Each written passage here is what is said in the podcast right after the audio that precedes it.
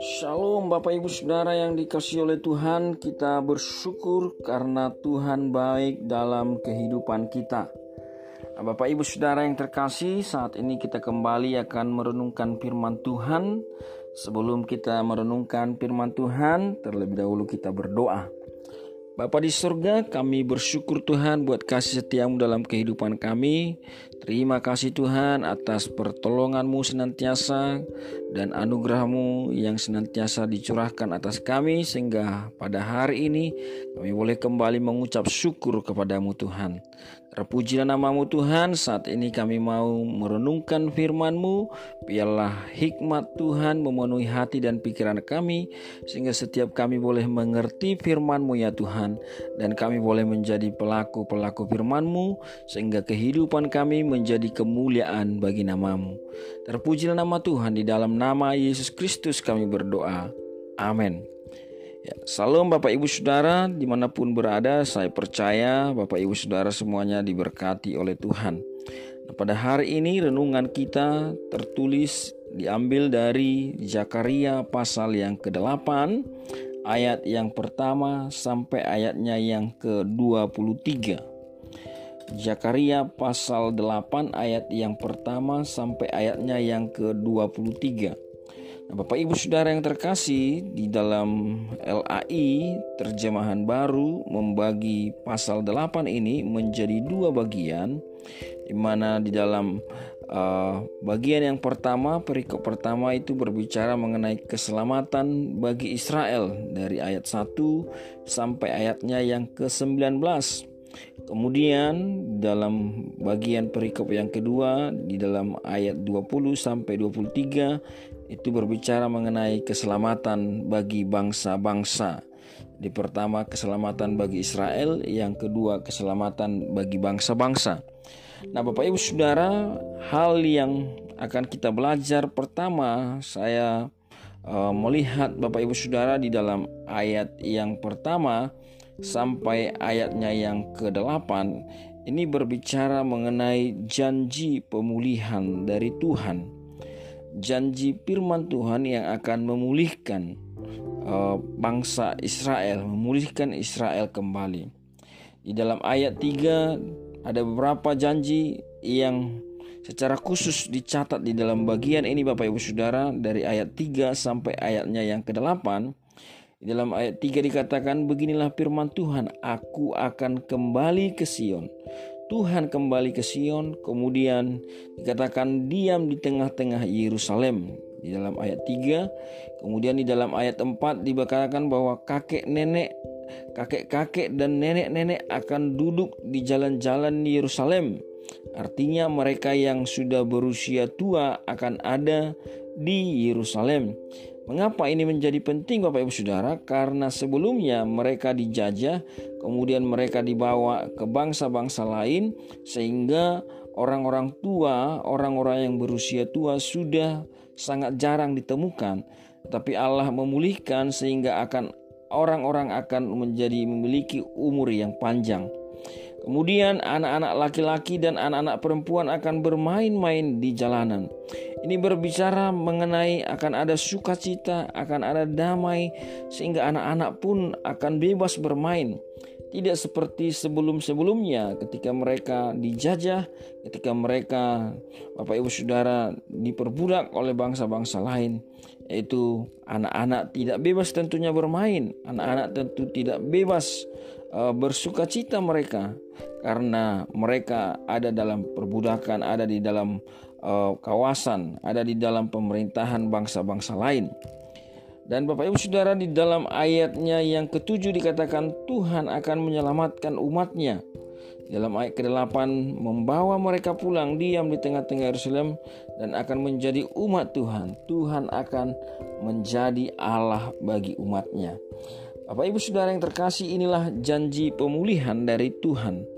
Ini menunjukkan kasih Tuhan bukan karena bangsa itu sudah bertobat, bukan karena bangsa itu sudah uh, berubah setia mereka, tetapi karena kasih Tuhan, karena kesetiaan Tuhan, sehingga Tuhan memulihkan kembali bangsa itu. Di dalam ayat 8 dikatakan, dan aku akan membawa mereka pulang supaya mereka diam di tengah-tengah Yerusalem. Maka mereka akan menjadi umatku dan aku akan menjadi Allah mereka dalam kesetiaan dan kebenaran.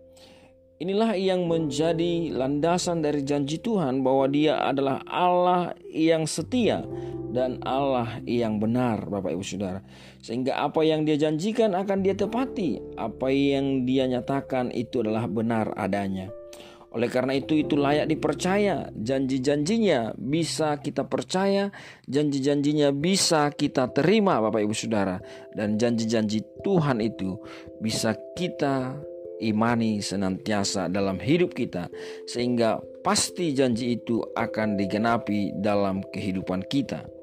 Bapak, ibu, saudara, kemudian ini adalah bagian yang dilakukan oleh Allah yang dicatatkan di dalam pasal 8 ini. Kemudian ada bagian yang akan dilakukan oleh umat itu yang akan dilakukan oleh orang-orang Israel. Yaitu dalam ayat 9 dikatakan kuatkanlah hatimu Hai orang-orang yang selama ini mendengar firman Tuhan. Jadi bagian yang harus dilakukan adalah menguatkan hati. Kenapa hati perlu dikuatkan Bapak Ibu Saudara? Kalau kita merujuk kepada Amsal 4 ayat 23 itu berkata bahwa jagalah hatimu dengan segala kewaspadaan karena dari situlah terpancar kehidupan.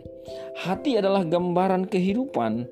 Hati adalah apa menjadi kondisi hati kita itu akan menjadi kondisi hidup kita Bapak Ibu Saudara. Oleh karena itu firman Tuhan mengingatkan untuk kita menguatkan hati. Firman Tuhan mengingatkan kepada Israel untuk mereka menguatkan hati mereka. Untuk mereka tidak ragu akan firman Tuhan. Untuk mereka tidak ragu akan janji Tuhan. Sehingga dengan demikian mereka tetap percaya Orang yang kuat hatinya, mereka adalah orang-orang yang akan setia. Orang yang menjaga hatinya, mereka adalah orang-orang yang akan hidup di dalam kebenaran, hidup di dalam kesetiaan, Bapak Ibu Saudara. Oleh karena itu, Bapak Ibu Saudara, dikatakan bahwa Tuhan mengatakan kepada bangsa itu untuk menguatkan hati mereka. Di dalam ayat yang ke-13 juga dikatakan, "Kuatkanlah hatimu." Ya di dalam ayat 13 dan kalau dahulu kamu telah menjadi kutuk di antara bangsa-bangsa hai kaum Yehuda dan Israel maka sekarang aku akan menyelamatkan kamu sehingga kamu akan menjadi berkat. Janganlah takut kuatkanlah hatimu. Bapak Ibu Saudara menguatkan hati ini itu berulang-ulang berulang-ulang diucapkan. Ini menjadi satu yang penting Bapak Ibu Saudara sama seperti Tuhan berbicara kepada Yosua ketika ia akan melanjutkan kepemimpinan dari Musa untuk membawa bangsa itu terus masuk ke tanah perjanjian. Tuhan mengatakan, "Hanya kuatkan dan teguhkanlah hatimu." Bapak Ibu Saudara, inilah yang menjadi bagian kita. Mari kita menguatkan hati kita, menguatkan hati kita untuk tetap percaya kepada Tuhan, meneguhkan hati kita untuk tetap percaya kepada janji Tuhan di dalam segala situasi, kondisi, keadaan, apa pun yang terjadi. Mari mempercayai janji-janji Tuhan. Hanya orang-orang yang kuat hatinya ia akan terus bisa terus percaya. Hanya orang-orang yang teguh hatinya ia akan bisa terus memegang janji Tuhan. Hanya orang-orang yang teguh dan kuat hatinya yang akan menjadi orang-orang yang setia. Karena ketika hati kita kuat, maka kita tidak terpengaruh oleh keadaan, kita tidak terpengaruh oleh apa yang menjadi situasi. Kita tidak terpengaruh oleh apa pun yang terjadi di sekeliling kita, tapi kita percaya, hati kita terpaut kepada firman itu, hati kita terpaut kepada janji Tuhan itu, sehingga kita tetap setia, Bapak Ibu Saudara. Oleh karena itu, ini menjadi penting, Bapak Ibu Saudara, yang harus kita lakukan adalah bahwa kita harus menguatkan hati kita. Kemudian bagian yang kedua yang harus dilakukan adalah di dalam ayatnya yang ke-16 dikatakan demikian. Inilah hal-hal yang harus kamu lakukan. Berkatalah benar seorang kepada yang lain. Laksanakanlah hukum yang benar yang mendatangkan damai di pintu-pintu gerbang. Jadi bagian daripada bangsa itu, bagian daripada umat itu dan bagian kita secara langsung Bapak Ibu Saudara itu berkatalah hal yang benar.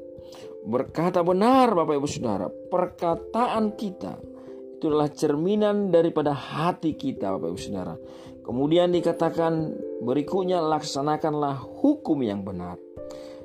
Ini adalah apa yang dituntut untuk kita lakukan. Kemudian di dalam ayat 17 itu adalah apa yang dituntut untuk kita jauhi. Dalam ayat 17 dikatakan, "Janganlah merancang kejahatan dalam hatimu seorang terhadap yang lain dan janganlah mencintai sumpah palsu sebab semuanya itu kubenci." Bapak Ibu Saudara, orang yang kuat hatinya, dia tidak akan pernah merancangkan kejahatan di dalam hatinya. Orang yang kuat hatinya, dia tidak akan pernah mencintai sumpah palsu. Oleh karena itu Bapak Ibu Saudara, mari kita menguatkan hati kita. Bagaimana supaya kita hati kita kuat? Itu kita terpaut kepada firman Tuhan. Hati kita dipenuhi dengan firman itu. Hati kita dipenuhi senantiasa dengan suara Tuhan Bapak Ibu Saudara. Oleh karena itu Bapak Ibu Saudara, bagian Tuhan Tuhan sudah berjanji. Begitu banyak janjinya pemulihan pemulihan pemulihan. Berkat berkat berkat. Bapak Ibu Saudara. Tapi bagian kita adalah menguatkan hati kita dan berkata benar melakukan yang benar dan menjauhi yang jahat. Bapak Ibu Saudara. Mencintai kebenaran dan damai. Dalam ayat 19 dikatakan maka cintailah kebenaran dan damai. Jadi inilah menjadi bagian kita Bapak Ibu Saudara yang harus kita lakukan. Mari kita mencintai kebenaran dan mencintai damai. Bagaimana di dalam kehidupan kita sehari-hari dalam bersentuhan dengan orang-orang di sekitar kita, apakah kita suka damai? Apakah kita mencintai damai atau mencintai pertengkaran? Bapak Ibu Saudara, mari kita senantiasa menguatkan hati kita. Mari kita senantiasa menjaga hati kita. Mari kita senantiasa mempercayai janji-janji Tuhan sampai janji itu tergenapi dalam kehidupan kita pribadi lepas pribadi. Terpujilah nama Tuhan. Mari kita berdoa. Bapa di surga kami bersyukur buat firman-Mu. Engkau adalah Allah yang berjanji dan engkau adalah Allah yang setia dan benar. Sehingga apa yang engkau janjikan itu adalah kebenaran. Dan ketika engkau menjanjikan segala sesuatunya, engkau Allah yang menggenapinya. Oleh karena itu saat ini Tuhan kami percaya Tuhan ketika kami mendengarkan firman-Mu, membaca firman-Mu, melihat janji-janjimu di sana. Kami percaya itu juga akan terjadi dalam hidup kami.